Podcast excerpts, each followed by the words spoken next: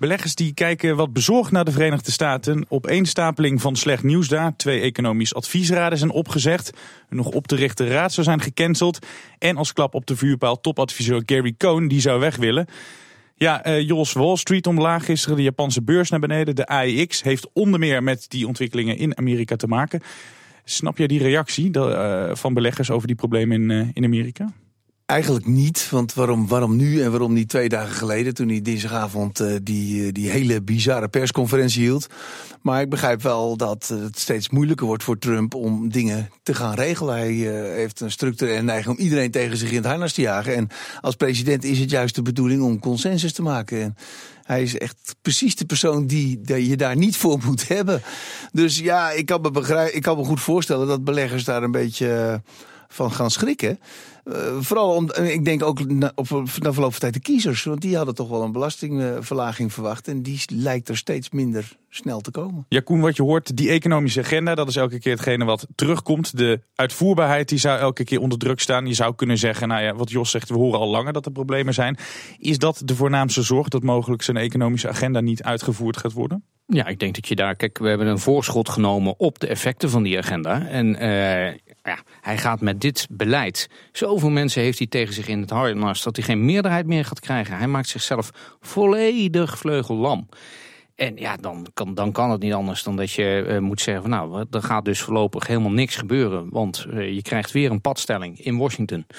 Uh, waardoor er geen belastinghervormingen, maar ook geen andere maatregelen die hij zou nemen. Ja, uh, heeft bedrijfsleven tegen zich in het harnas gejaagd. Dus die staan ook niet meer te wachten om hem nog enige support te geven. Dus ja, ga er maar vanuit dat, het, uh, dat alle voorschotten die we genomen hebben op de effecten van zijn beleid, ja, die kunnen dus ook naar de achtergrond. Ja, Jos, uh, hij kon schermen met al die, die toppers, echt de, de, de, de crème de la crème van het bedrijfsleven. Die CEO's die stonden achter hem, die hebben hem uh, dus verlaten. Hij heeft op een gegeven moment zelf de stekker eruit getrokken.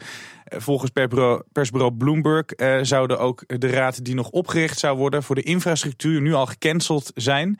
en dat betekent dat de investering van 1000 miljard misschien in gevaar komt. Hoe erg is het voor die economie daar als die, als die mega-investering niet gedaan wordt? Ja, dat is wel erg, maar ik denk dat heel veel mensen niet verwacht hebben dat dat heel snel komt. Hè. Hij legde toen in die persconferentie ook heel duidelijk uit dat uh, het bouwen van een flinke weg of een, of een groot gebouw soms wel tot 25 jaar voorbereiding in beslag kan nemen. Dus dat zal allemaal toch niet zo heel snel gaan.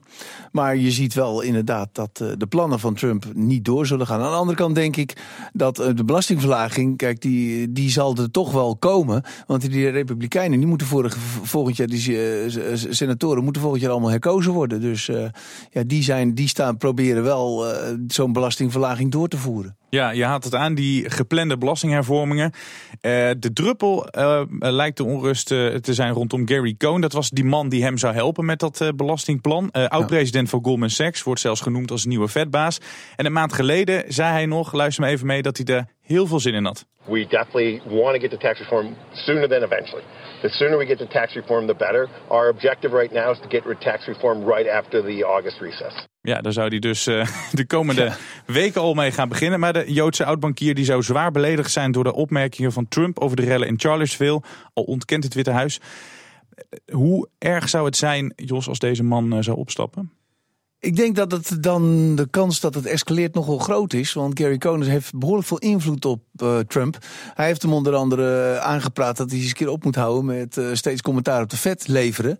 Want de vet moet onafhankelijk zijn, is heel belangrijk. En dat schijnt dat Trump daar wel naar geluisterd heeft, inderdaad. En, uh, dus ik zou het wel, ik zou, ik zou het behoorlijk jammer vinden als die, als die opstaat. Trump en Munich, of sorry, die Gary Cohn en, en Steven Munich, dat zijn eigenlijk de twee toch wel adviseurs en ministers die waar het kabinet op drijft. Dat zijn mensen met goede plannen en mensen waar ik vertrouwen in heb.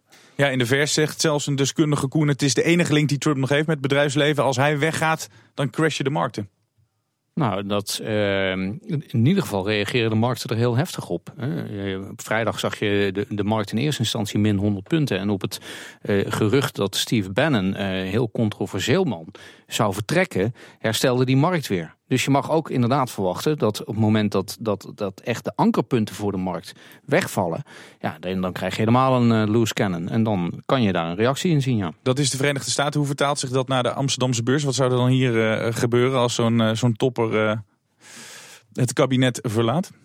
Uh, dan krijg je een effect in de dollar, waarin de dollar uh, zomaar uh, nog weer een heel stuk van zijn waarde kan verliezen. En dat heeft op een aantal bedrijven in, Amer in Amsterdam natuurlijk effect. Hè. Dus met veel omzet uit de VS. Ik denk dat dat ook een van de redenen is waarom je vrijdag misschien wel wat meer correctie zag bij een, bij een Egon dan bij anderen. puur vanwege hun positie in Amerika. en, en de effecten van de, ja, de overhang van de Amerikaanse markt van donderdag. Ja, die de, de, Nederlandse bedrijven die dus een exposure naar Amerika hebben. Jullie zijn er eigenlijk allebei wel over eens. Die Gary Cohn is maar beter als hij daar uh, bij Trump blijft. Jos, wordt hij nog de kan nieuwe... Kan hij geen president worden? Kan hij geen president worden? Ja, dan moet hij misschien nog even een paar jaar wachten. 2020. Kan hij de nieuwe vetbaas worden, Jos, nog steeds? Ik las vanochtend in de Wall Street Journal dat Trump het inderdaad ook gezegd, Trump het inderdaad gezegd had dat hij uh, Gary Cohn wilde voorstellen. We moeten nog maar zien of hij dat ook uh, werkelijk gaat doen, want dat weet je nooit bij Trump. Maar ik denk, denk dat dat wel een goede voorzitter zal zijn. Kijk, we hebben de afgelopen jaren, tientallen jaren, uh, nogal wat uh, ja, ivoren toren-economen gehad bij, bij, bij de Fed. Die eigenlijk ja, weinig ervaring hadden met hoe grote problemen er zijn in de financiële markten om te werken met die enorme lage rente. Dus je hebt kans als Gary Cohn daar komt dat hij misschien toch geneigd is om wat, wat eerder, hij kan natuurlijk niet in zijn eentje, maar toch wat meer druk op, de, op het FOMC te zetten om ja, de rente toch wat sneller te normaliseren dan nu het geval is.